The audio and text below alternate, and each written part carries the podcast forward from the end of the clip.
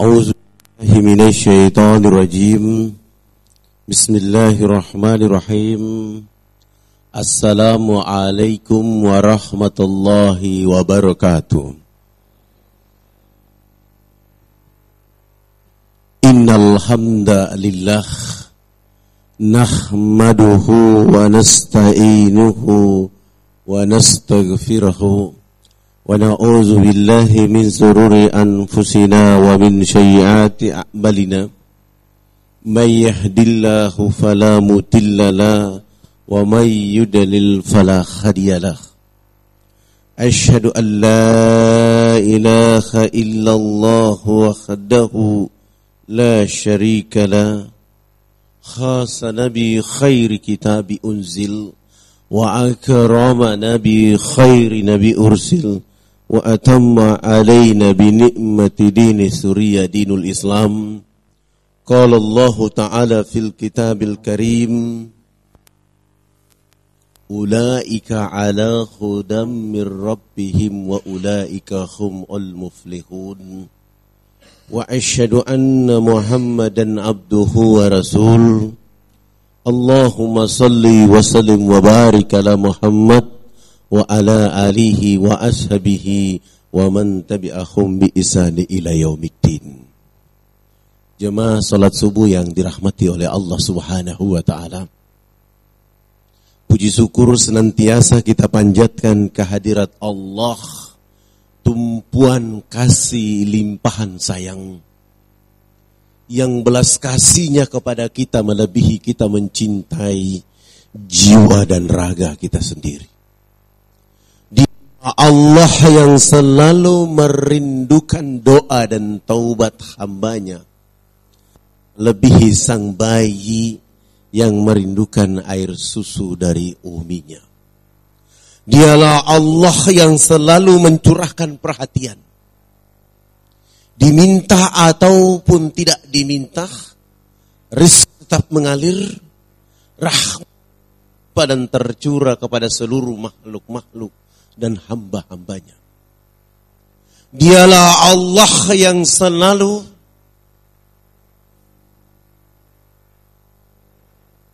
mengurus luan daripada makhluk-makhluk dan hamba-hambanya.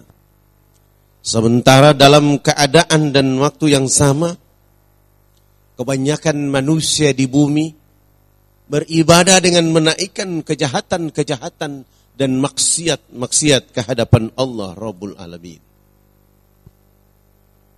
Dialah Allah Al-Khaliq Tabaraka wa Ta'ala yang menciptakan manusia dari firmani. Mereka menjadi gagah, ganteng, cantik. Ada yang rambutnya keriting, badannya hitam keling. Ada yang rambutnya lurus, badannya putih. Ada pula yang badannya putih, rambutnya warna krem. Mereka semua itu Allah sebarkan di alam raya. Dan Allah bekali mereka berupa akal dan pikiran. Tapi kebanyakan mereka manusia itu hidup dengan kesombongan, keangkuhan, rakus. Bahkan di antara mereka manusia itu lupa kepada Allah Rabbul Alamin. Di suatu saat Allah mengembalikan mereka manusia ke tempat yang paling terendah. Yaitu menjadi bangkai-bangkai yang ditelan oleh cacing-cacing Allah di perut bumi Allah. Dialah Allahu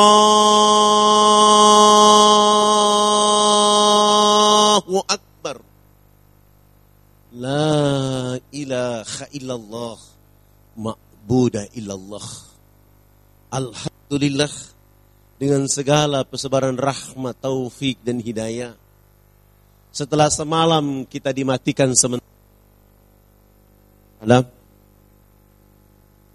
menjelang fajar subuh Allah kembalikan jasmani dan rohani menjadi kekuatan sehingga kita mampu menyatukan langkah kita ke rumah Allah dalam rangka mencintai Allah tunduk dan patuh kepada Allah dan Rasulullah dengan melakukan sholat subuh secara berjamaah. Semoga sholat subuh hari ini menjadi sholat subuh terbaik ke hadapan Allah Rabbul Alamin. Salam tering salawat kepada Rasul uswatun hasanah. Manusia terbaik yang sengaja dikirim oleh Allah Subhanahu wa taala agar orang-orang yang hidup di akhir zaman mereka menjadikan Rasul Muhammad sallallahu alaihi wasallam sehingga mereka menjadi pribadi yang teladan, keluarga yang teladan, masyarakat yang teladan, bang menjadi umat yang teladan karena mereka mengikuti Rasul Muhammad sallallahu alaihi wasallam. Begitu pula salam dan salawat kepada keluarga Rasulullah, sahabat-sahabat Rasulullah, tabi'in, tabi'id, guru-guru kita, ulama-ulama kita, para mujahid-mujahid bangsa Indonesia yang mereka berjuang dengan bambu runcing, tetapi perjuangan mereka itu dilandasi dengan semangat wa'atasimu bihabalillahi jamia. Sehingga bambu runcing itu keberkahan dari langit dan dari bumi menghancurkan musuh-musuh Allah di tanah air Indonesia. Dan mereka pun dengan semangat menulis dalam piagam Jakarta, Bismillahirrahmanirrahim. Atas berkat Allah didorong oleh keinginan luhur supaya berkehidupan kebangsaan yang bebas. Perjuangan itu menghasilkan rahmat Allah berupa kemerdekaan pada tanggal 9 Ramadan 1363 bertepatan 17 Agustus 1945. Semangat perjuangan itu menghasilkan hari ini kita menuju 87 tahun Indonesia merdeka. Sekalipun ada ketimpangan dan kecurangan, kita terus hadir untuk memperbaiki ketimpangan dan kekurangan itu. Agar satu abad, 100 tahun Indonesia merdeka, kita kembali kepada wa atasimu bihabalillahi jamia. Menjadi bangsa yang mandiri, bangsa yang kuat, bangsa yang tangguh sehingga kita akan memperbaiki masa depan bangsa menuju Allah Subhanahu wa taala. Semoga Bapak Ibu semua jamaah subuh hari ini menjadi orang dan tiasa mencintai Allah, mencintai Rasulullah, mencintai Quran dan sunnah Rasulullah dan mencintai sesama Islam sehingga terus menjaga Indonesia dari Sabang sampai ke Merauke menjadi kekuatan untuk tunduk kepada Allah dan Rasul Muhammad sallallahu alaihi wasallam yang dirahmati oleh Allah Subhanahu wa taala. Pagi hari ini Fadlan tidak ceramah, hanya ingin bersilaturahmi dengan Bapak Ibu semuanya dalam rangka kita dapatkan barisan yang rapi agar kekuatan bangsa dan umat ini menuju peradaban baru di kelak nanti. Fadlan ini orang Irian. Jangan berpikir bahwa ini dari Arab, tidak.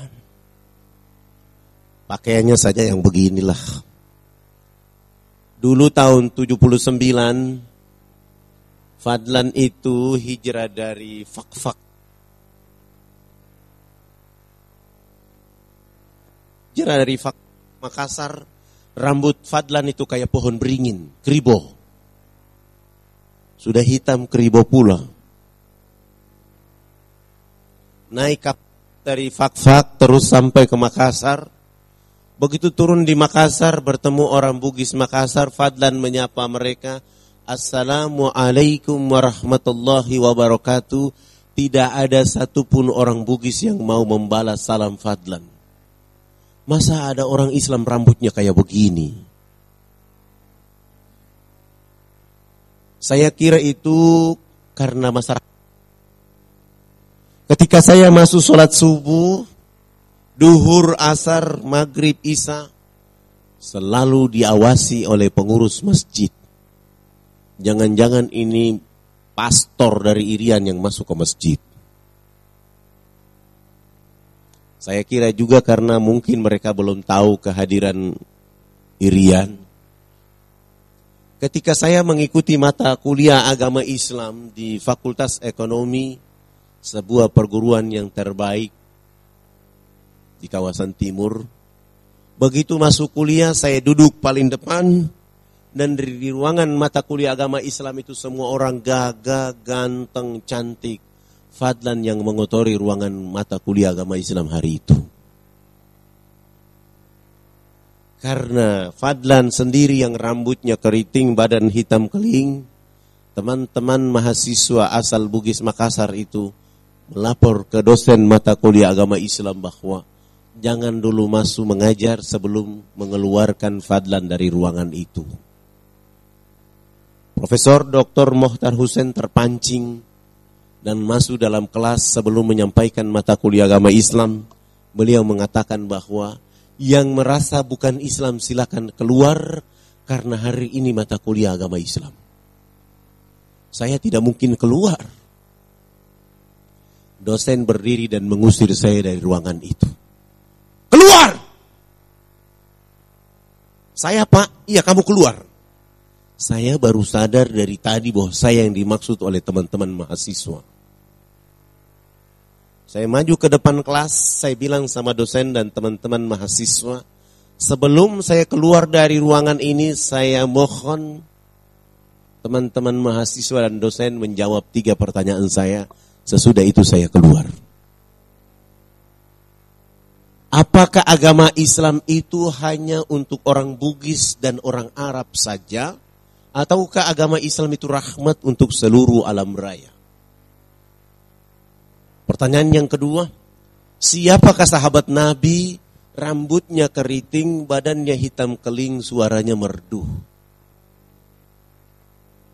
Yang ketiga, sebelum saya tinggalkan ruangan mata kuliah agama Islam, saya minta tolong kepada dosen Tolong bawa Al-Quran keliling kami mahasiswa dalam ruangan. Saya ingin menyaksikan dan mendengar saudara saya yang rambut lurus badan putih membaca Al-Quran. Sesudah itu saya keluar. Dosen tidak menjawab pertanyaan pertama dan kedua. Tapi langsung membawa Al-Quran mengelilingi kami dalam ruangan. Di depan muka saya, dosen pun tidak mau kasih itu Al-Quran kepada saya. Saya tetap bersabar menunggu mahasiswa urutan 45, 46 dan saya langsung merampas Al-Quran dari tangan dosen dengan mahasiswa urutan 47. Begitu saya buka Al-Quran, subhanallah, surat yang ditunjukkan oleh Allah kepada saya hari itu adalah surat Al-Hashr. Saya lihat terjemahan surat Al-Hashr artinya pengusiran saya baru tahu bahwa ternyata karena saya diusir oleh mahasiswa dan dosen, Allah menunjukkan surat pengusiran kepada saya. Saya baca tiga ayat terakhir selesai, dosen mengatakan bahwa dari 47 mahasiswa yang saat itu mengikuti mata kuliah agama Islam, hanya tujuh mahasiswa saja yang bisa membaca Al-Quran secara baik dan benar. Dari tujuh mahasiswa itu salah satunya adalah pemilik rambut keribu kayak pohon beringin itu. Akhirnya saya minta waktu kepada dosen supaya dua jam mata kuliah agama Islam. Saya ceramah di tengah-tengah teman-teman saya. Maju saya ke depan kelas dan saya bilang sama teman-teman. Al-Quranul Karim huda linnasi wa bayinati minal huda wal furqah. Al-Quran itu adalah buku kecerdasan dari Allah yang tadi ada di lauhil manfuts tapi dengan sengaja dijadikan mujizat kepada Rasul Muhammad sallallahu alaihi wasallam menjadi petunjuk untuk penduduk yang ada di muka bumi.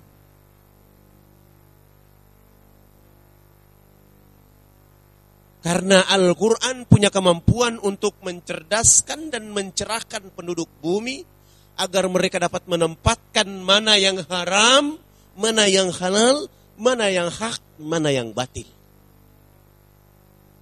Bagaimana mungkin kita akan bangun Indonesia menuju Toyibatun Warabun Ghafur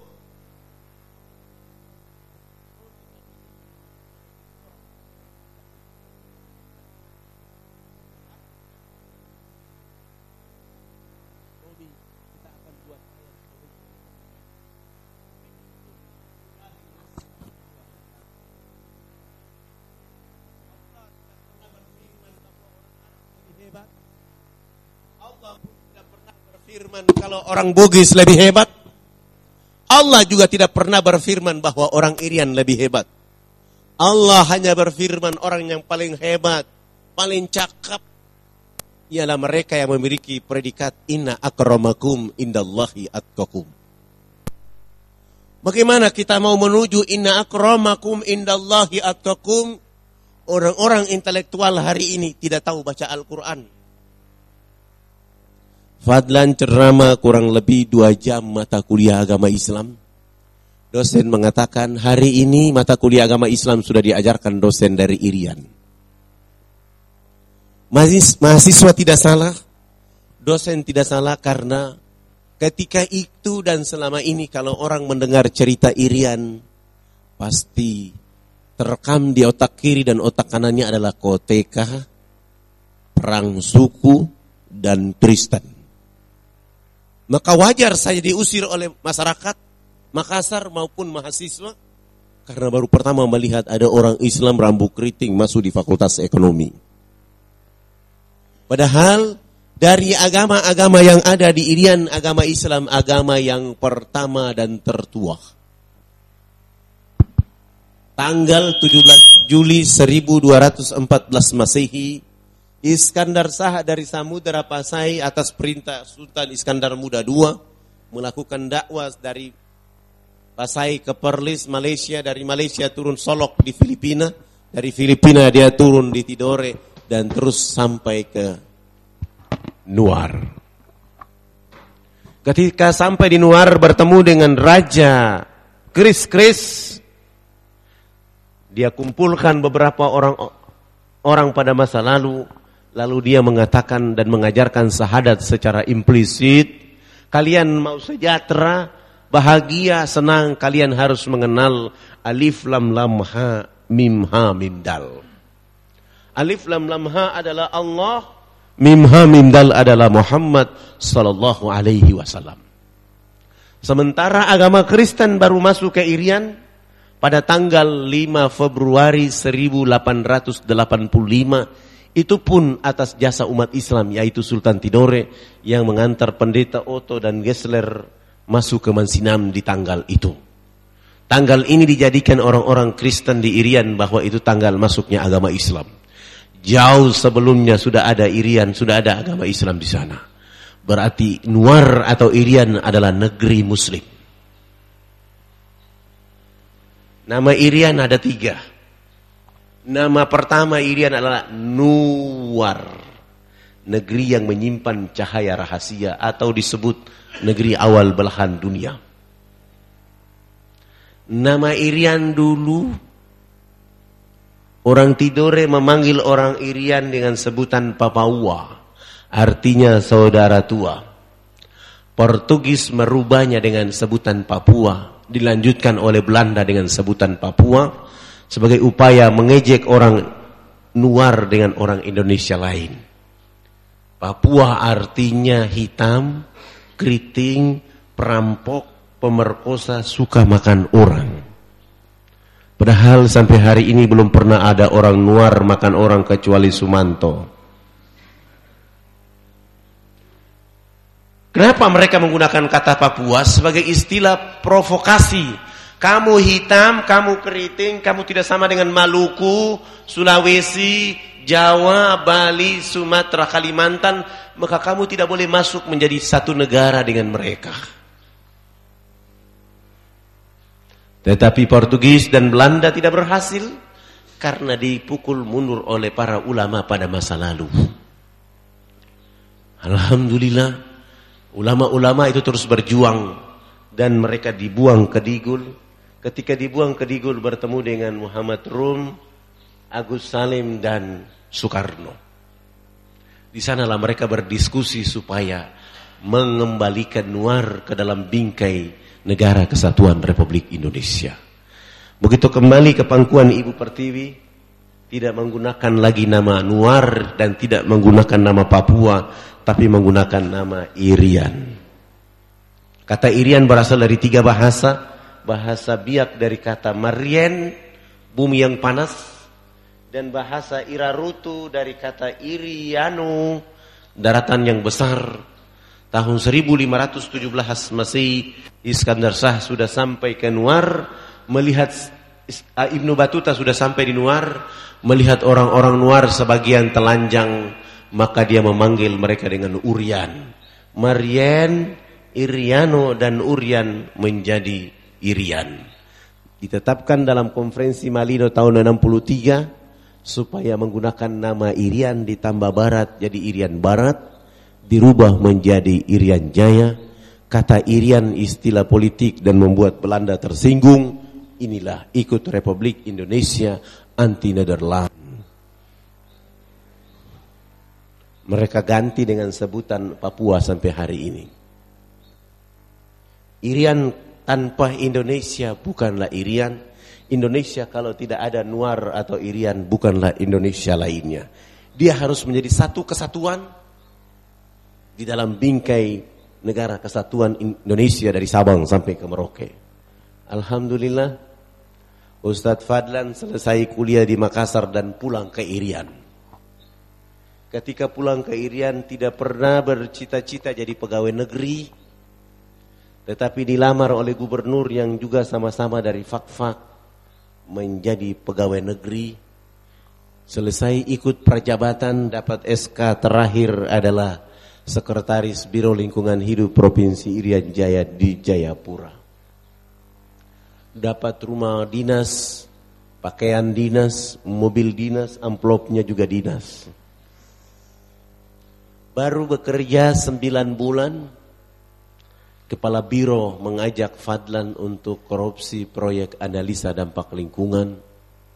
Yang setelah dihitung oleh Fadlan nilai sesungguhnya 493 juta saya bulatkan menjadi 500 juta. Kepala Biro tidak mau dia bilang tambah angka 1 jadi 1,5 M. Ternyata sampai hari ini kelakuan itu masih ada di Irian. Mereka menipu pemerintah pusat uang masuk dengan jumlah yang besar di Nuar, tetapi uang itu tidak dipakai untuk membangun masyarakat Irian, tapi mereka membangun kantong-kantong mereka pribadi. Melihat kelakuan seperti ini, akhirnya Fadlan menghadap gubernur mengembalikan kunci rumah dinas, pakaian dinas, amplop dinas dan kunci mobil dinas selama tinggal pegawai negeri Fadlan menjadi pegawai Rasulullah Muhammad sallallahu alaihi wasallam besoknya langsung berkantor di masjid di Jayapura. Sudah tidak lagi di kantor gubernur. Ketika berkantor di masjid di Jayapura, pekerjaan Fadlan yang pertama adalah harus berdialog dengan seorang pendeta yang bernama Alphonse. Yang selama ini dia mengatur strategi agar mengusil Fadlan dari Jayapura karena Fadlan menuntut di kantor gubernur harus dibangun masjid karena orang sholat duhur, sholat asar dan waktu Jumat mereka bisa sholat Jumat. Beliau ini marah dan menuntut supaya di, di Jayapura di kantor gubernur juga bangun gereja. Saya bilang itu hari Minggu seminggu sekali. Di luar sana gereja banyak. Kalian boleh bangun di, di luar. Ini umat Islam untuk ke, keperluan mereka sholat di waktu sholat asar dan duhur. Saya selesai sholat duha, saya berusaha untuk mendatangi rumah pendeta Alphonse. Begitu saya jalan sudah mendekati rumahnya kira-kira 200 meter, saya lihat pendeta Alphonse sedang berada di depan rumahnya, di halaman rumahnya. Saya mempercepat langkah menuju ke rumahnya. Begitu saya datang di depan rumah tidak ada satu orang pun, saya ketuk pintu rumahnya.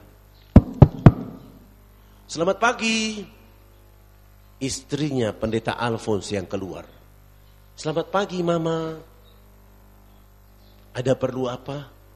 Mama saya mau bertemu dengan Bapak Pendeta Alphonse. Istrinya langsung menjawab, mohon maaf, Pak Pendeta tidak ada di rumah. Saya bilang baru yang tadi kira-kira siapa ya? Saya langsung pulang. Besok pagi saya datang lagi. Selamat pagi, anaknya yang keluar dari dalam rumah. Pagi, saya bisa nggak bertemu dengan Bapak Pendeta Alphonse? Anaknya juga mengatakan, mohon maaf, Pak Pendeta tidak ada di rumah. Saya pulang lagi, besok pagi saya datang lagi, dan selama satu bulan penuh di setiap pagi saya mengetuk pintu rumah Pendeta Alphonse.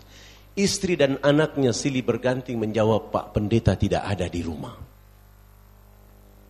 Saya datang lagi di bulan yang kedua hari pertama, Hari kedua sampai hari ke-15 istri dan anaknya terus marah-marah.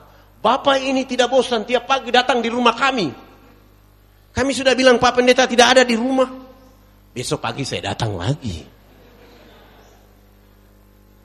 Dua bulan berturut-turut saya mengetuk pintu rumahnya. Istri dan anak mengatakan Pak Pendeta tidak ada di rumah. Saya melanjutkan pekerjaan yang sama di bulan ketiga hari pertama. Begitu saya mengetuk pintu rumahnya, istri dan anak mengatakan, mohon maaf Pak Pendeta tidak ada di rumah. Besok saya datang lagi di hari kedua bulan ketiga. Jawaban yang sama pun saya terima. Besok hari ketiga, bulan ketiga saya datang lagi. Begitu saya datang, saya bilang selamat pagi. Anaknya langsung menjawab, Pak Fadlan mohon maaf. Pak pendeta tadi malam jatuh sakit sehingga kami bawa ke rumah sakit. Saya langsung tunduk dan memuji Allah. Alhamdulillahi alamin. Dari rumah pendeta Alphonse langsung ke rumah sakit. Begitu sampai di rumah sakit saya beli parcel buah-buahan. Saya tanya di resepsionis, benar enggak pendeta Alphonse masuk di rumah sakit ini? Ternyata mereka menunjukkan benar dan berada di kamar nomor 48. Saya mulai dengan strategi, saya datang di pintu kamar itu, saya mengetuk pintu kamar pendeta Alphonse, tetapi saya tidak menampakkan wajah saya kecuali parcel terlebih dahulu. Begitu saya mengetuk pintu rumahnya, selamat pagi. Istrinya buka pintu dan saya nampakkan itu parcel. Setelah dilihat parcel dan dia persilakan, silakan masuk. Saya masuk ke dalam ruangan. Begitu masuk dalam ruangan, saya yang ada di ruangan itu. Dia mau bohong bagaimana lagi? Saya bilang, Mama, saya dengar kabar Bapak Pendeta Alfons sakit sehingga saya bawa buah-buahan untuk pendeta Alphonse. Beliau bangun dari tempat tidur dan mengatakan selamat pagi. Saya langsung bilang pagi dan saya mendekati beliau di tempat tidur dan saya bilang alamin Pak Pendeta. Hari ini saya mendapat rahmat dari Allah Subhanahu wa taala. Saya bisa bertemu dengan Bapak Pendeta di rumah sakit. Karena saya sudah dua bulan tiga hari mencari-cari Bapak. Sebenarnya Bapak Pendeta Alphonse ini tidak sakit, tapi sudah dua bulan tiga hari menjadi pembohong. Sehingga Allah kasih sakit supaya saya ketemu di sini. Nanti kalau sembuh, jangan lagi jadi pembohong. Katanya Bapak Pendeta bicara cinta kasih, tapi menjadi pembohong. Saya tidak boleh lagi begitu. Beliau lima hari kemudian dia sembuh. Saya datang mengetuk pintu rumahnya. Selamat pagi, istri di, beliau bersama istri dan anak tujuh orang itu mereka langsung membuka pintu dan mempersilahkan saya masuk ke dalam rumah mereka. Begitu saya masuk ke dalam rumah mereka jam 9 pagi itu saya mulai menceritakan kepada mereka danya Islam bagi penduduk yang ada di bumi. Alhamdulillah dari jam 9 pagi sampai masuk waktu duhur saya pamit pulang Pendeta Alphonse bilang sama saya, Pak Fadlan usahakan besok datang lebih pagi lagi. Besok pagi saya datang lebih pagi lagi, sampai masuk waktu duhur, saya pamit, beliau mengatakan selesai sholat duhur kembali lagi ke rumah sampai asar. Alhamdulillah cerita pendeknya di hari keempat dan hari kelima itu beliau dan istri dan anak menyatakan sikap mengucapkan dua kalimat syahadat. Begitu mereka masuk Islam, saya ada sedikit uang, saya kontrak rumah besar satu, agar mereka pindah ke rumah itu supaya saya dengan mudah bisa mendidik, mengajarkan dan membina mereka bagaimana sholat dan baca Quran. Beliau masuk Islam sudah tidak nama lagi Alphonse, saya ganti nama dengan Abu Sofyan. Abu Sofyan sudah sholat di masjid, sudah sholat Jumat di masjid. Begitu hari Minggu, Orang masih menunggu dia di gereja. Tidak mungkinlah dia ke gereja karena sudah sholat Jumat. Mereka menunggu dari jam 6 pagi sampai jam 10 tidak hadir itu Alphonse karena dia sudah berubah nama menjadi Abu Sofyan. Ributlah Jayapura mencari tahu siapa yang membuat dia mengenal Islam. Orang sudah tahu ada Fadlan sehingga Fadlan ditangkap tanpa proses pengadilan untuk masuk penjara selama tiga bulan. Alhamdulillah. menikmati penjara tiga bulan itu karena Allah dan Rasulnya, keluar saja tetap berdakwah di Jayapura sini, Alhamdulillah ada 15 kepala keluarga juga yang hijrah masuk Islam, bangku gereja makin kosong, ribut lagi Jayapura, Fadlan ditangkap lagi untuk masuk penjara tanpa proses pengadilan selama enam bulan. Alhamdulillah. Menikmati penjara selama enam bulan karena Allah dan Rasulnya, keluar lagi, tetap saja berdakwah di Jayapura. Begitu berdakwah di Jayapura, subhanallah ada 30 kepala keluarga juga yang hijrah mengucapkan dua kalimat syahadat. Ribut lagi Jayapura. Fadlan ditangkap lagi tanpa proses pengadilan untuk masuk penjara selama 9 bulan. Alhamdulillah. Menikmati penjara itu 9 bulan, begitu keluar dari penjara, Orang yang biasa menangkap saya, dia bekerja menjadi seorang polisi, kebetulan agamanya Kristen Protestan.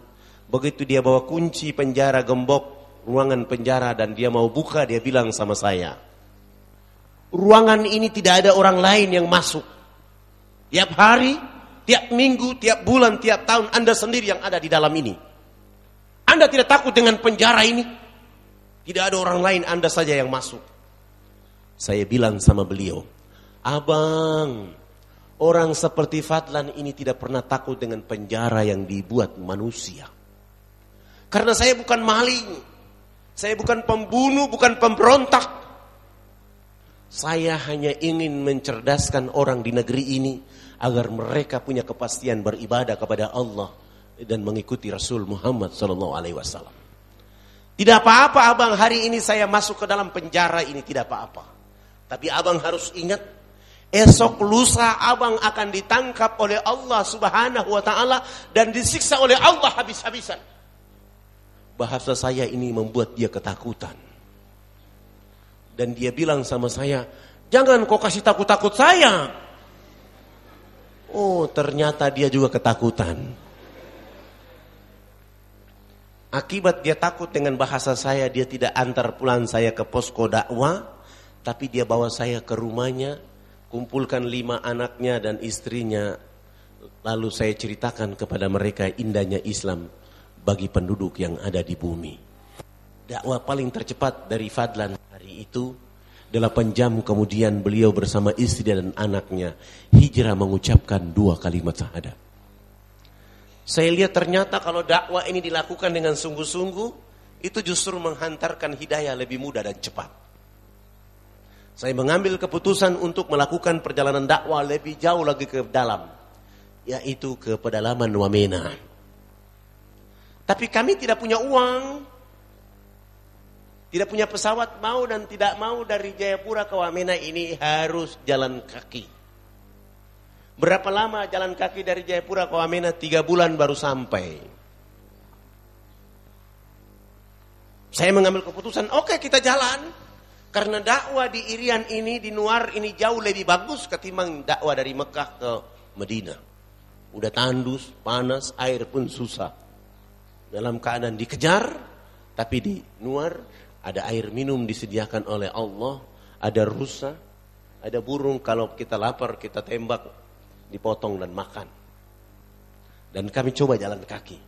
Kami baru jalan kaki satu bulan para dai 19 orang itu energi mereka habis dan mereka bilang kita balik lagi ke Jayapura. Pergi satu bulan, kembali satu bulan, tidak ada dakwah. Dua bulan itu tidak ada dakwah. Sampai di Jayapura, kami menggunakan strategi baru yaitu supaya kami bisa diterima oleh misionaris. Kami tidak boleh pakai nama Fadlan, Zainuddin, Ibrahim. Nama ini tidak boleh masuk ke maka kami ke kantor desa membawa foto ukuran dua kali tiga agar nama kami diganti.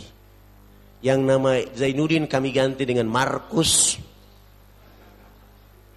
Yang nama Zainal kami ganti dengan nama Wilhelmus. Yang nama Fadlan diganti dengan Leo Garamatan. Dengan cara itu baru kami bisa menumpang pesawat misionaris dari Sentani Jayapura menuju Wamena. Besok pagi mau terbang malam harinya kami sudah menyediakan Sarana dakwah kami berupa sabun mandi tujuh karton, odol tujuh karton, sampo, tokat gigi tujuh karton, dan tujuh karung pakaian layak pakai. Pagi-pagi kami naik pesawat, Alhamdulillah 45 menit kemudian kami tiba di Wamena.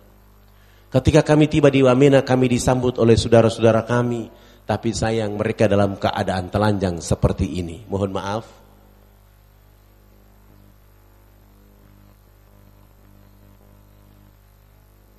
Satu minggu pertama kami tidak berdakwah, kami mempelajari kenapa sampai mereka telanjang.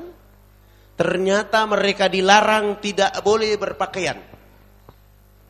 Gereja dan misionaris mengatakan ini adalah kebudayaan yang harus dirawat, dijaga dan dipelihara. Setelah mereka dalam keadaan seperti ini, orang asing itu juga melarang orang-orang seperti ini tidak boleh mandi menggunakan air bersih. Mereka hanya boleh mandi menggunakan minyak atau lemak babi saja.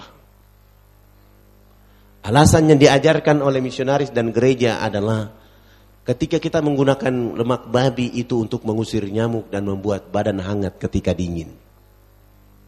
Setelah mereka dalam keadaan seperti itu, orang asing itu bawa minuman keras dari Port Moresby masuk ke pedalaman, kasih minum saudara-saudara kita di sana, mereka minum, mereka mabuk, ada yang teler dengan babi di dalam kandang. Ada ibu-ibu kita yang melahirkan di sana seperti binatang yang beranak di bawah pohon. Begitu bayinya keluar dari rahimnya, dia memegang bayi dan ari-arinya dan dia putuskan ari-ari dengan bayi menggunakan ujung batu yang tajam. Setelah anaknya keluar, dia meluk anaknya, dia juga diharamkan tidak boleh menyusui air susu sebelah kanan kepada anak kandungnya.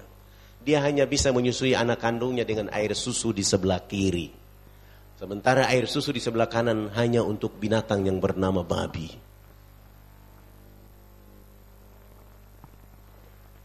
Kita lihat sebentar dulu. Seperti ini. Anaknya sebelah kiri, babi sebelah kanan. Ketika kami melihat keadaan seperti ini, kami 20 orang itu semua mencucurkan air mata karena warga negara Indonesia di pedalaman itu sedang dikasih bodoh oleh orang asing di negeri itu. Dan saya bilang sama para dai bahwa ini dosa paling terbesar bagi orang-orang Indonesia mulai dari presiden sampai ketua RT. Karena mereka tidak mengurus dakwah sehingga masyarakatnya seperti ini.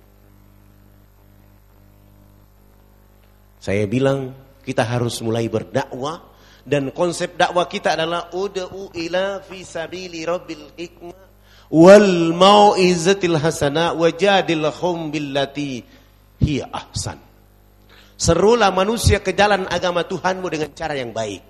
Berdebat, berdiskusi, berdialog dengan cara yang baik. Kepada siapa Allah beri petunjuk, kepada siapa Allah sesatkan.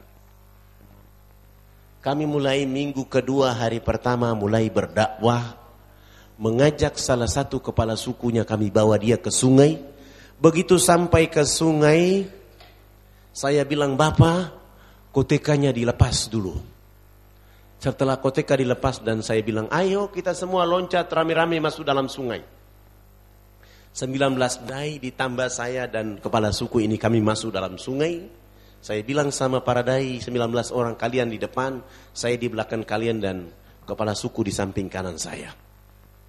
Sesudah itu saya ambil sabun satu untuk kepala suku, satu untuk saya. Dan saya bilang sama kepala suku, lihat gerakan kami dan lakukan. Begitu kami gosok sabun di sebelah kanan, kepala suku ikut gosok sabun di sebelah kanan. Kami gosok sabun di sebelah kiri, kepala suku ikut gosok sabun di sebelah kiri. Saya ganti sabun dengan sampo. Begitu saya siram sampo di rambut saya, kepala suku ikut siram sampo di rambutnya. Rambut kami orang Irian itu kalau belum kena air itu rambut tenang-tenang saja.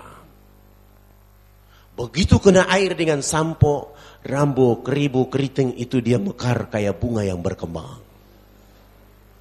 Sehingga busa sampo itu makin tinggi. Begitu makin tinggi jatuh kena di hidung kepala suku dia mencium harum dari sampo, langsung pergi tidak mau lagi bilas dengan air. Begitu dia jalan, para dai mengatakan, Bapak kepala suku, disiram dengan air. Beliau menjawab, tidak anak, ini wangi. Rupanya selama hidupnya baru pertama mencium baru, harum. Alhamdulillah, enam hari berturut-turut beliau mandi tidak pernah bilas dengan air. Lebih bagus bau busa sabun dan sampo ketimbang selama ini lemak babi. Akhirnya tidak bilas. Hari ke-6 setelah dia datang, loncat masuk dalam sungai, naik gosok sabun, gosok sampo, dia pakai koteka, dia jalan. Kayak kontilanak yang berjalan. Kena matahari busa tadi kering di badan, sampo pun kering, kepala suku langsung ke kebun, bekerja seperti biasa seorang petani. Jam 2 siang kepala suku ini pulang ke rumah perjalanan kembali ke rumah Allah turunkan rizki berupa hujan. Kena di tubuh badannya busa sabun dan sampo yang tadi kering itu muncul kembali. Beliau gosok-gosok sampai busa sampo hilang, busa sabun pun hilang. Allah mengganti dengan kesegaran jasmani. Kepala suku ini tiba di rumah tidur dari jam 3 sore sampai jam 9 pagi hari berikutnya. Pagi-pagi kami datang, wawancara beliau apa kabar Bapak Kepala Suku? Beliau langsung angkat bicara. Anak, mandi yang benar itu yang anak ajarkan. Karena Bapak kemarin dimandikan oleh Tuhan sehingga Bapak tidur menjadi enak. Selama ini Bapak belum pernah tidur enak seperti itu. Bagaimana kalau pagi ini Bapak ikut mandi? Beliau mengatakan siap. Ikut kami sampai ke sungai hari itu baru mandi, bilas, setelah bilas beliau naik tidur dari jam 9 pagi sampai jam 3 sore hari itu. Begitu dia bangun tidur di sana ada kecerdasan dan pencerahan. Dia langsung kampanye di 28 kampung di bawah kekuasaan adat beliau. Besok pagi yang berkumpul di lapangan dekat sungai itu 3.712 orang laki, perempuan, tua, muda, besar, kecil, mereka ingin mengikuti materi mandi menggunakan sabun yang kami bawa dari Jayapura. Karena orang terlalu banyak, sabun tiga, sabun tujuh karton tidak cukup. Satu sabun terpaksa kami bagi empat dan kami mulai pelajaran mandi. Kami ajar dari jam 8 pagi sampai waktu duhur belum tuntas semuanya. Saya bilang di kepala suku, Bapak kepala suku, mohon maaf. Pelajaran mandi kami tunda dulu karena kami beragama Islam. Maka saya mohon yang sudah mandi jangan pulang. Yang belum mandi juga jangan pulang. Nanti kami selesai sholat duhur. Kami akan melanjutkan pelajaran mandi. Lalu kami wudhu selesai dan naik di atas panggung. Kami kalau di pedalaman Irian tidak bisa sholat di atas permukaan bumi. Kami harus bikin panggung karena di pedalaman-pedalaman daerah animisme itu babi sangat banyak seperti mobil yang melintas di jalan raya. Sehingga kami bikin panggung, begitu kami naik di atas panggung 3.712 orang itu mereka duduk di bawah panggung lapangan itu. Lalu salah satu dai dia komat dan saya takbir. Allahu Akbar. 19 dai itu juga takbir. Allahu Akbar. Begitu kami takbir yang sudah mandi maupun yang belum mandi yang duduk di bawah panggung semuanya berdiri dengan serentak dan berputar berlawanan arah jarum jam mengelilingi kami di panggung solat seakan-akan kami itu Ka'bah. Mereka tawaf keliling. Apa yang mereka lakukan? Mereka tawaf keliling panggung solat itu untuk memperhatikan gerakan-gerakan solat duhur yang kami lakukan. Begitu saya salam ke kanan, Assalamualaikum warahmatullah. Assalamualaikum warahmatullah. Kepala suku besar itu langsung loncat naik di atas panggung dengan mengajukan beberapa pertanyaan. Anak, kenapa anak dengan teman-teman berdiri dan angkat tangan dan mulutnya bicara-bicara? Itu maksudnya apa? Saya langsung mengatakan, subhanallah, baru mandi sudah cerdas begini.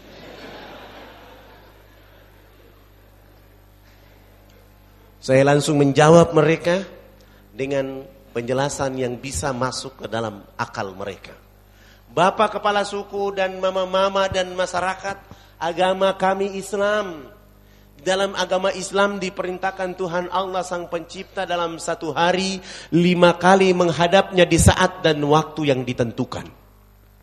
Tadi kami berdiri mengangkat tangan itu artinya kami menyerahkan sepenuhnya jiwa, raga dan kehidupan kami kepada Tuhan Allah. Dan yang kami bicara-bicara itu adalah Allah Maha Besar, kami sangat kecil. Sehingga tangan kiri ini malu menutup dada, tangan kanan pun malu menutup tangan kiri. Terserah Allah. Mau menghukum kami terserah. Mau kasih hadiah kepada kami terserah. Karena kami sudah menyerahkan sepenuhnya jiwa, raga dan kehidupan kepada Allah. Beliau langsung menjawab. Oh ini agama yang benar. Menurut Bapak kami sudah Islam. Dan beliau mengajukan pertanyaan berikutnya. Kenapa sesudah itu anak dengan teman-teman bongkokan badan? Apalagi artinya bongkokan badan itu? Maksudnya kenapa ruku? Saya menerjemahkan dengan jawaban kepada mereka. Kami bongkokkan badan itu supaya kami bisa melihat di bumi itu ada tanah, pasir, batu, air, hewan, tumbuhan. Semua itu fasilitas dari Allah kepada manusia. Dinikmati, dipelihara, dilindungi karena masih ada manusia berikutnya. Beliau langsung menjawab, Ah ini agama yang benar. Menurut Bapak kami sudah Islam. Tapi kenapa sesudah itu anak dengan teman-teman tunduk mencium papan? Apalagi maksud tunduk mencium papan? Maksudnya kenapa sujud? Saya menjelaskan dengan bahasa yang bisa mereka mengerti. Hampir-hampir saya kerepotan untuk menjawab pertanyaan mereka. Tapi Allah menghadirkan jawaban dengan segera. Dan saya bilang, kami tundukkan kepala itu untuk memohon ampun, menangis, minta ampun kepada Tuhan Allah Sang Pencipta. Dan kenapa kami kami harus tunduk minta ampun kepada Allah? Karena sebentar kami mati nanti kulit, daging, darah, tulang akan dilebur menjadi tanah. Sebelum dilebur menjadi tanah, kami merendahkan kepala kami untuk minta ampun kepada Dia Allah yang Maha Tinggi itu. Beliau terus mengajukan pertanyaan. Kenapa sesudah itu anak dengan teman-teman lihat ke sebelah kanan mulutnya bicara-bicara, lihat ke sebelah kiri masih bicara-bicara. Apalagi artinya itu? Saya menjawab lagi, kalau tadi kami mengangkat tangan adalah menyerahkan sepenuhnya jiwa, raga dan kehidupan kami kepada Allah, kami bongkokkan badan untuk melihat apa yang diberikan oleh Tuhan Allah, kami tunduk untuk menangis, minta ampun. Setelah menangis, minta ampun. Kami lihat ke sebelah kanan, kalau belum ada orang yang tahu mandi, tugas kami harus bisa mengajarkan mereka bisa tahu mandi. Melihat ke sebelah kiri kalau belum ada orang yang tahu berpakaian, tugas kami mencari pakaian untuk menutup badannya. Ada yang sakit, tugas kami mencari obat. Ada yang lapar, tugas kami mencari makan. Sehingga hubungan kami dengan Tuhan Allah terus berjalan. Dan komunikasi kami dengan siapa saja manusia di bumi. Sehingga terjadilah kedamaian ketentraman untuk beribadah kepada Allah. Begitu mendengar penjelasan saya, kepala suku langsung mengatakan kalau begitu kamu 20 orang jangan duduk di atas panggung. Silakan turun duduk bersama 3712 orang di bawah. Enam kepala suku naik di atas panggung itu, mereka rapat adat membahas kehadiran kami dan jawaban saya kepada mereka tentang sholat tadi. Rapat adat satu setengah jam kemudian kepala suku besarnya berdiri dan menyampaikan pengumuman kepada 3.712 orang di lapangan dengan menggunakan bahasa mereka. Wah, wah, wah, wah, wah, hubulokanayak. Kepala suku ini dia ulang-ulang kalimat ini, sementara kami tidak tahu bahasa itu. Dan saya tanya kepada orang yang ada di samping saya, apa yang dimaksud dengan huwa huwa huwa hubu lokanaya? Ternyata artinya luar biasa. Hari ini kita bahagia. Hari ini kita senang. Hari ini kita gembira. Karena anak-anak ini sudah datang mengajarkan agama yang benar. Dalam rapat adat kami mengatakan bahwa kita semua yang ada di lapangan ini mengikuti agama yang mereka ajarkan. Langsung 20 orang itu sujud syukur dan menangis kepada Allah Subhanahu wa taala. Terima kasih Allah ya Rob. Kami belum menyebut namamu ke dalam dada mereka. Kami juga belum mengajarkan nama kekasihmu Muhammad ke dalam hati mereka. Kami hanya bawa sabun mandi ya Allah ya Rob. Lalu kami berhadapan dengan 3.712 orang untuk mendidik mereka mengucapkan dua kalimat syahadat. Ketika kami mengatakan asyhadu an la ilaha illallah wa asyhadu anna Muhammad Rasulullah. Kami 20 orang itu pun tidak sanggup karena wajah kami penuh dengan air mata karena hidayah begitu mudah datang kepada mereka. Ya Allah, lihat mereka dalam keadaan telanjang. Ya Allah, lihat mereka dalam keadaan miskin. Dalam keadaan bau badan. Tapi petunjukmu sampai kepada mereka. Hidayahmu datang kepada mereka. Seandainya tidak ada dakwah, mereka seperti binatang di negerimu bumi ini. Lalu kami mendidik mereka untuk mengucapkan dua kalimat syahadat. Alhamdulillah mereka mengucapkan dua kalimat syahadat. Sesudah itu pekerjaan berikut yang kami lakukan adalah mengganti nama-nama mereka. Yang nama Yakobus kami ganti dengan nama Zainuddin. Yang nama Yohanes kami ganti nama dengan Ilham. Ridwan, Abu Bakar, Ibrahim. Dan itu nama-nama yang cocok untuk orang Irian masuk Islam. Sangat lucu kalau ada orang Irian masuk Islam, rambutnya keriting, badannya hitam keling dipanggil Subagio. Masa Subagio rambutnya keriting? Setelah mengganti nama-nama mereka, pekerjaan berikut yang kami lakukan adalah melakukan hitanan masal mulai dari umur 7 bulan sampai umur 63 tahun. Alhamdulillah, kami dibantu oleh ayahanda Dr. Mulia Tarmizi dari Angkatan Laut dan menghitan saudara-saudara kita di sana. Sesudah itu, Dr. Mulia Tarmizi membuat rekomendasi supaya saya membawa beberapa kepala suku menghadap Presiden Soeharto di Jakarta. Kepala-kepala suku ini semua sudah pakai celana panjang, sudah pakai jas, sudah pakai kemeja, bahkan sudah pakai jas. Tetapi mereka belum bisa pakai sepatu. Karena nomor kakinya 47. Bertahun-tahun tidak ada alas kaki, tiba-tiba ada sepatu repot. Tidak ada sepatu itu di Irian. Akhirnya menggunakan sendal jepit, kami terbang dari Jayapura. Para penjap pakai jas ini tapi sendal jepit itu menuju ke Makassar. Tiba di Makassar ada Istirahat enam jam pesawat saya bawa kepala suku itu keliling kota Makassar melihat pembangunan di sana. Sesudah itu kembali lagi ke airport.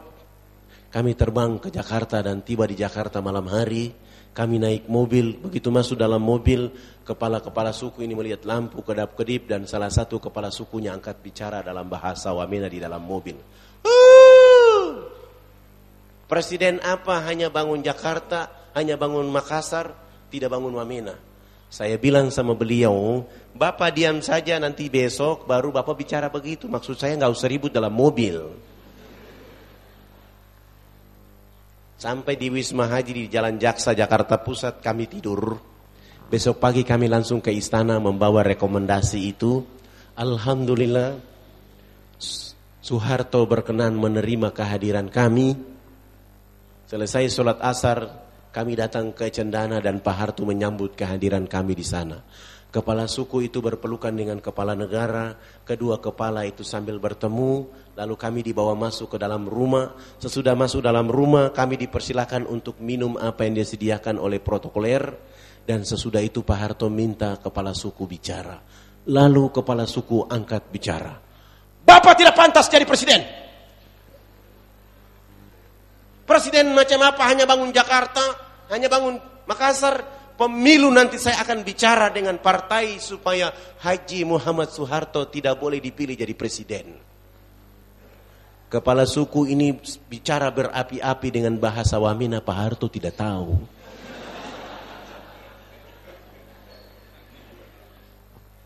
Pak Harto sudah berpikir ini artinya terjemahannya pasti positif dan minta diterjemahkan.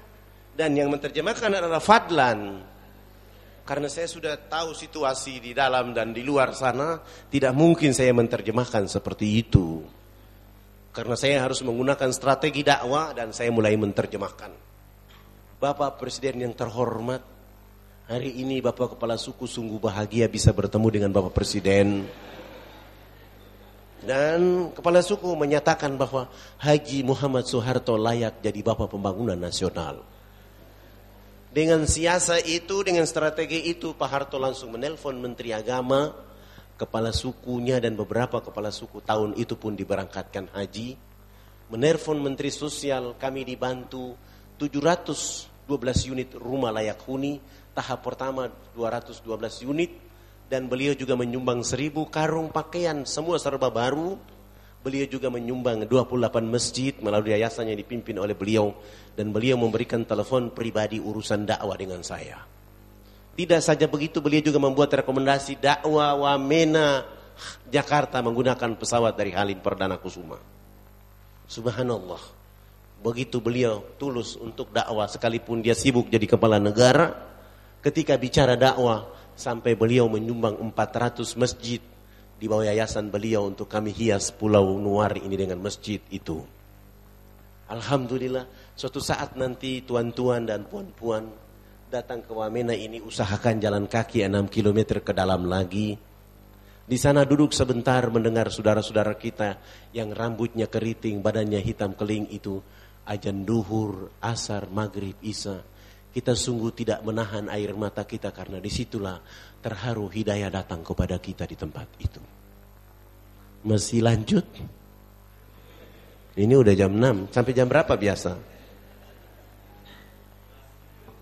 Saya masih ada acara jam 8, kalau saya korupsi waktu di sini orang di sana berteriak. Bikin jadwal itu harus kasih waktu kepada saya minimal 6 jam. Ini belum apa-apa ceritanya. Ini baru seper belum juga seper dua belum juga setengah belum masih masih belum pembukaan juga lah. Kita lihat dulu karena tuan-tuan ada kesibukan. Ini sebuah kasus yang sedang terjadi di 2010. Mereka sudah masuk Islam, dan saya mengantar salah satu anak yang setelah selesai dari pesantren, kami bawa ke kampung mereka. Mereka sholat tetapi mereka tidak punya pakaian. Sehingga sholat dalam keadaan telanjang. Bukan karena tidak ada pakaian, jarak dari kota ke kampung mereka itu jalan kaki 10 hari 10 malam. Orang memikul pakaian seadanya saja sehingga begitu mereka berdiri sholat dalam keadaan seperti itu.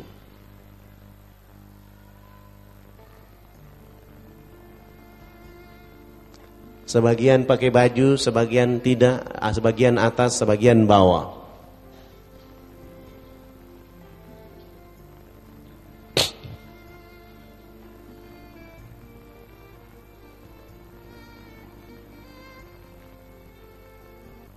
Ketika mereka berdiri, kami berdiri sholat berjamaah dengan mereka.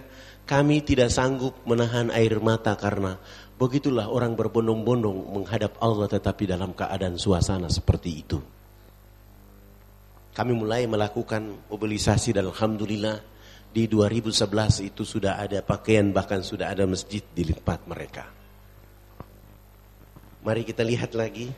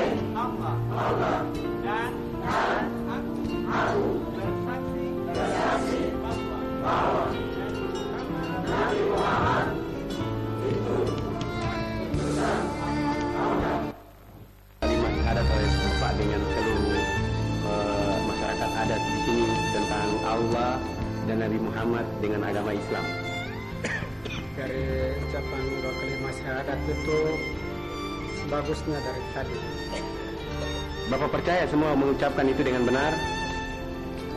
Percaya dengan bagus sudah dan benar. Bapak bisa mengucapkan selaku kepala suku mengucapkan asyhadu an la bisa.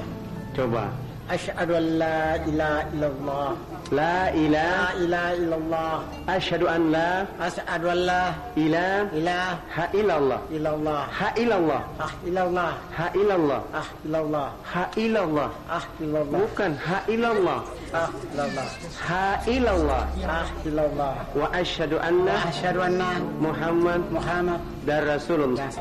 Aku bersaksi. Aku bersaksi. Bahwa bahwa tidak ada Tuhan tidak ada Tuhan selain Allah. selain Allah. Dan dan aku bersaksi. aku bersaksi bahwa bahwa Nabi Muhammad itu Nabi Muhammad itu utusan Allah. utusan Allah. Dan dan saya saya dengan rakyat saya. rakyat saya. Rakyat adat saya. Rakyat adat saya mengakui mengakui Allah Allah sebagai Tuhan sebagai Tuhan dan dan Nabi Muhammad sebagai Nabi Muhammad sebagai Nabi Muhammad sebagai Nabi Muhammad sebagai sebagai siapa? sebagai utusan Utusan siapa? Allah Oke. Ya.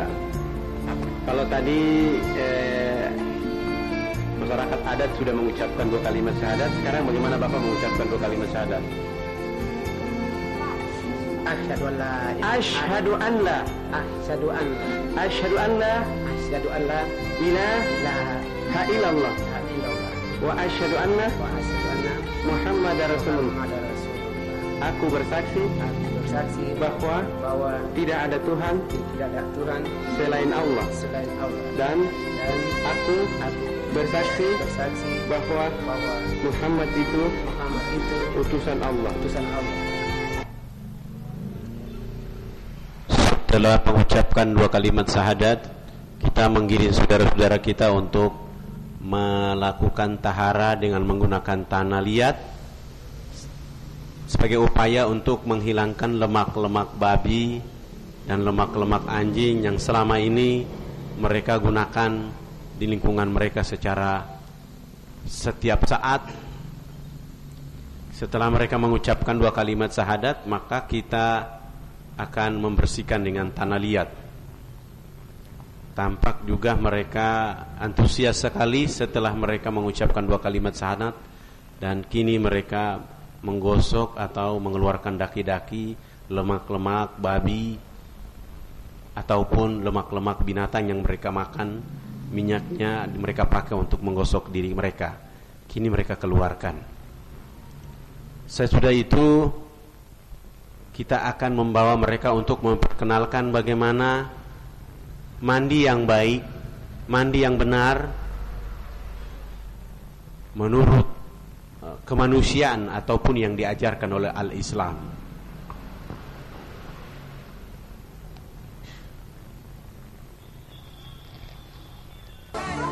Sholat ditolak oleh Allah karena sekalipun kita pakai air wudhu tapi masih ada najis tadi lemak babi atau bersentuhan dengan babi atau dari lidah anjing atau dari dicium oleh hidungnya anjing.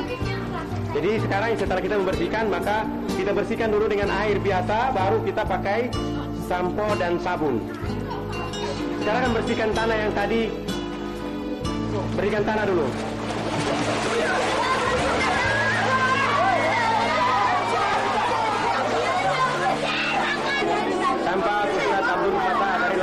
Membagi-bagi sabun bersama kepala suku di antara saudara-saudara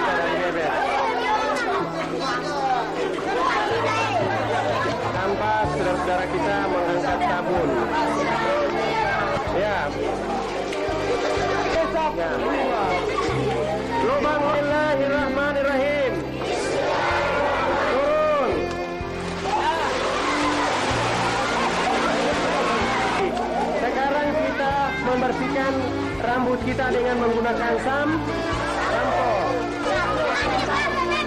Gosok, yang di belakang itu gosok.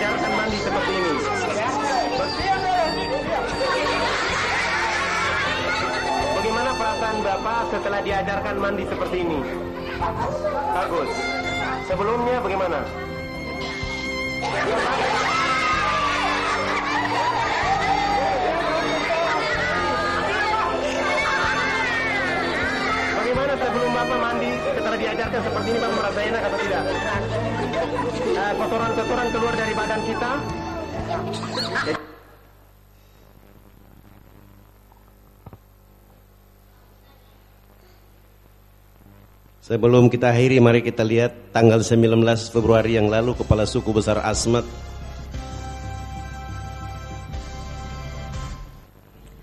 Kepala Suku Besar Asmat Papua, Sanansius Kaimiter dan keluarganya menyatakan memeluk agama Islam dan berjanji akan menyebarkan Islam di tanah Papua.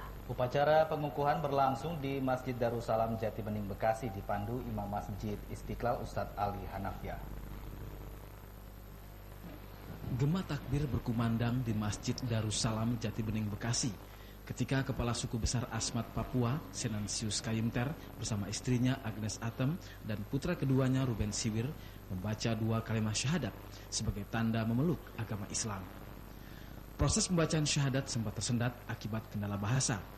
Namun dua kalimat syahadat yang sakral tersebut akhirnya terucap dengan mulus sehingga Senansius Kayimter dinyatakan resmi memeluk Islam. أشهد أن لا إله إلا الله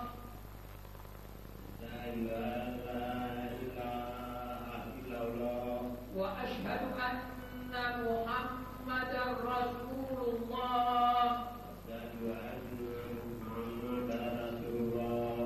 Saya bersaksi Saya bersaksi tiada Tuhan tiada Tuhan kecuali Allah kecuali Allah dan saya bersaksi dan saya bersaksi Nabi Muhammad itu Nabi Muhammad itu adalah adalah utusannya. utusannya. Sah? Alhamdulillah. Kepala suku besar Asmat itu pun diberikan nama Islam Umar Abdullah Kaimter, sedangkan istrinya mendapatkan nama Aisyah Khairunisa Atem. Putra kedua Ruben Siwir juga mendapatkan nama Islam Salim Abdullah Siwir, sedangkan kakaknya telah lebih dulu memeluk Islam dan mendapatkan nama Muhammad Hatta. Saya merasa bahwa Islam itu agama yang baik. Ya. Mengkali saya kembali dari umroh sampai di Asmat saya ya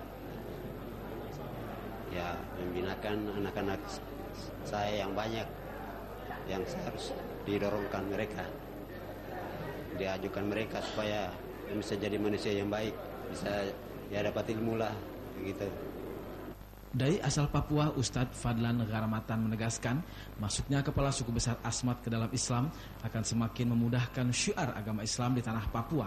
Terlebih, berdakwah di Papua memiliki berbagai tantangan seperti faktor alam yang sulit dijangkau. Bagi kami eh, tantangan ataupun hambatan yang ada di Irian yang banyak itu bagi kami adalah rahmat yang harus kami lakukan dengan konsep ud'u ila fi sabili rabbil hikmah wal mau'izatil hasanah wajadilhum billati ahsan. Serulah manusia ke jalan agama Tuhanmu dengan cara ahsan. Bapak Ibu yang dirahmati oleh Allah Subhanahu wa taala, itulah proses dakwah kami yang kami lakukan selama ini dan cerita pendeknya adalah dari 27 tahun kami berdakwah keliling negeri ini kami menghasilkan 228 kepala suku kurang lebih 40 ribu orang hijrah mengucapkan dua kalimat syahadat dan 16 pendeta, tiga pastor dan satu rektor Universitas Kristen Paulus di Sorong pun masuk Islam karena dakwah yang kami lakukan. Alhamdulillah sekalipun kami pada masa lalu punya sarana dakwah seperti ini. Dulu kami dakwah, kendaraan dakwah kami perahu seperti ini. Ketika kami menggunakan perahu seperti ini, terbalik dan satu dai kami ditelan oleh buaya. Dan satu lagi ditelan oleh ular, mereka berdua yang syahid sampai hari ini. Dari doa umat Islam dan Allah menurunkan rahmat, biasa kendaraan begini kami pakai dan Allah mengganti dengan rahmat berupa kapal dakwah yang kami miliki pertama di Indonesia bahkan di dunia adalah seperti ini. Ini sumbangan umat Islam mulai dari Jawa, Aceh, Sumatera. Kami tabung selama tiga tahun menjadi kapal seperti ini. Umat Islam dari Malaysia juga tidak mau ketinggalan, mereka juga menyumbang sebuah kapal seperti ini. Alhamdulillah, saudara-saudara muslim dan mualaf dari Belanda pun tidak mau ketinggalan. Mereka juga menyumbang kapal dakwah yang sangat modern bagi dakwah kami. Kapal ini masuk misionaris dan gereja ketakutan karena mereka bilang, kenapa ada kapal dakwah seperti itu? Saya jawab ke mereka, kalian punya pesawat, kami tidak ribut.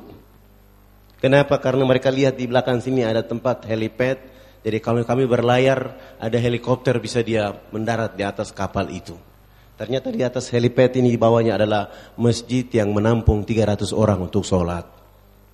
Dan itu khusus untuk para dai untuk melakukan aktivitas dakwah sebanyak 300 orang dan barang kurang lebih 75 ton. Ketika kami melakukan keliling pulau itu dan ini sebenarnya juga masih kurang. Saya bercita-cita Irian itu harus punya kapal dakwah sebanyak 24 sesuai dengan jumlah kabupaten supaya dakwah itu dengan mudah. Alhamdulillah umat Islam Qatar juga tidak mau ketinggalan mereka 2012 ini akan menyumbang sebuah pesawat dakwah yang menampung memuat eh, uh, 20 orang dan barang 2 ton dan insya Allah kami akan launching di Jakarta nanti pada bulan November akan datang. Saat ini pesawat lagi dibuat di Amerika Serikat, dirancang khusus untuk bisa terbang dengan landasan yang hanya 1500 meter, yaitu di atas rumput-rumput dan di atas laut. Insya Allah nanti kita akan tampilkan. Alhamdulillah kami sedang melakukan dakwah tahun lalu 7.500 orang kami hitan dan insya Allah setelah saya pulang dari Jogja, kami akan menghitan 8.000 orang di Asmat. Mohon dukungan doa, kami terus melakukan pendekatan, merubah keadaan masyarakat. Ini adalah metode Atibun Nabawi yang kami lakukan buat masyarakat di pedalaman. Jadi malaria ternyata obat terbaik adalah dengan hijama atau bekam. Karena mengeluarkan darah kotor dan darah segar sehingga nyamuk tidak ada di situ. Ini keadaan pembangunan yang kami rubah air bersih, mesin sagu dan kita juga tiap tahun mengirim perahu nelayan sebanyak 250 buah untuk setiap masyarakat yang masuk Islam. Perahu ini dibuat di Tangerang, lalu kami hantar dengan kapal Pelni menuju pedalaman dan kini sudah ada di pedalaman sana. Ini masjid yang kami bangun di Timika dan ini sebuah masjid yang dibangun juga di Timika ini perahu kapal sedang mengantar hewan kurban ke pedalaman. Membagi hewan kurban ini wakaf Al-Quran yang kami bawa dari umat Islam. Sekarang sudah ada 5 juta Al-Quran yang ada di sana. Ini konsep tebar 6 juta jilbab dari tahun 2009 sampai 2012. Saya tidak mau lagi melihat rambut keriting itu kelihatan di jalan. Sehingga saya turun dengan sumbangan jilbab untuk menutup aurat saudara-saudara kita di sana. Anak-anak itu sudah mulai berubah wajahnya. Tidak saja anak-anak tapi juga ibu-ibu.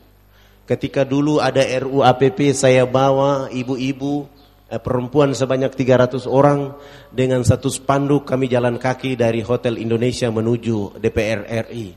Kasihan delo orang Jawa baru belajar telanjang, kami sudah pengalaman.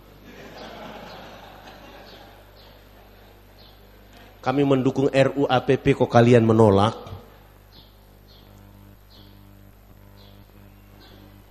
Ini mereka yang ada di pedalaman ceria, cerah karena mereka sudah belajar Al-Quran. Ini adalah ibu-ibu yang sudah mulai memproduksi produk-produk pemberdayaan sebanyak 272 item. Produk ini kami jual di seluruh Indonesia. Ini adalah Ibu Mahdalena Mahdalena ini bercita-cita masuk Islam dan bisa baca Al-Quran dan bisa hafiz Quran. Begitu beliau masuk Islam di usia 60 tahun, beliau fokus untuk membaca Al-Quran. Di usia 61 tahun beliau khatam Quran sebanyak 107 kali. Di usia 62 tahun beliau khatam Quran sebanyak 177 kali. Di usia 63 tahun beliau khatam Quran 207 kali. Di saat dia khatam Quran itu langsung dijemput oleh Allah innalillahi wa inna ilaihi rajiun. Subhanallah. Ini anak-anak kita yang di pedalaman yang sudah mulai cerita warnanya berbeda. Dulu pakaian seperti ini, sekarang saya sudah merubah harus berpakaian seperti ini. Sekalipun sekolahnya dari papan, atap sagu, tetapi mereka terus kita cerdaskan. Ini anak-anak kami yang dari Irian kami bawa untuk saya bikin sekolah khusus namanya Pasantren Nuar di Bekasi untuk mengolah anak-anak Irian untuk hafiz Quran dan mereka menguasai bahasa Indonesia mengerti wawasan Nusantara dan akan pulang ke Irian menjadi anak bangsa Indonesia dan menjadi muslim yang baik bukan seperti orang-orang Irian yang ada di Jogja yang tiap tahun ribut dan mau merdeka saja.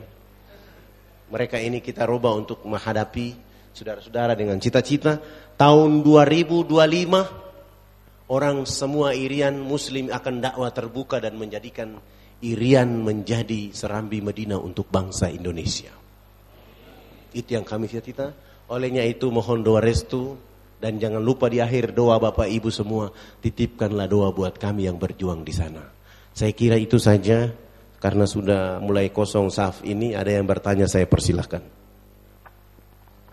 Ya, demikian uh, tadi silaturahim dari kita uh, dari Ustadz Fadlan Goromatan ya yang sudah menceritakan luar biasa perjuangan dakwah beliau dengan Ustadz teman-temannya yang sudah berhasil mengislamkan puluhan ribu uh, keluarga kita, saudara-saudara kita se-Indonesia, sebangsa tanah air di Papua, di tanah Irian Jaya yang luar biasa sangat uh, penuh tantangan dan rintangan ya. Yang, mudah, yang mungkin kita tidak terpikir ya, tidak akan sangat sulit sekali untuk itu itu ya. Seperti yang di, uh, dalam dengan perjuangan yang ini uh, kita akan tahu bahwa waktu turunnya surat Al-Mudathir ayat berapa ayat pertama itu uh, tidak ada istirahat lagi setelah ini uh, sehingga Rasulullah sudah berdakwah di Mekah sehingga berapa kali sehingga muncul beberapa banyak sahabat yang unggul gitu ya dan dan muncul waktu ketika terakhir itu surat An-Nasr ya Iza ja nasrullah wafat datanglah kemenangan berbondong-bondong umat Islam masuk ke uh, umat-umat manusia masuk ke Islam gitu berbondong-bondong dan ini mungkin salah satu contoh ya yang mungkin salah satu pertolongan Allah yang uh, bisa kita rasakan sekarang, bisa kita lihat gitu ya, yang tadi sudah diceritakan oleh Ustaz Fadlan. Ya, karena mungkin waktunya sudah uh, tidak memungkinkan lagi, mungkin kita akhiri saja Ustaz. Ya, pertemuan pada kesempatan hari ini dan insya Allah untuk infak pada kesempatan hari ini semuanya akan disedekahkan ke Yayasan Al-Fatih Kafah Nusantara yang beliau pegang untuk uh, meneruskan dakwah di tanah Irian Jaya seperti itu ya. Dan mudah-mudahan uh, di kesempatan lain kita masih bisa bertemu lagi Ustaz Fadlan ya di masjid ini. Mungkin di kesempatan yang lain ya. Ya, terima kasih. Uh, mari kita tutup uh, kajian pada kesempatan pagi hari ini dengan membaca kalimat tahmid bersama-sama. Alhamdulillah. Dan doa kafaratul majlis subhanakallahumma wa bihamdika asyhadu an la ilaha illa anta astaghfiruka wa atubu ilaik. Nun wal kalimi wa yasturun fastabil khairat. Wassalamualaikum warahmatullahi wabarakatuh.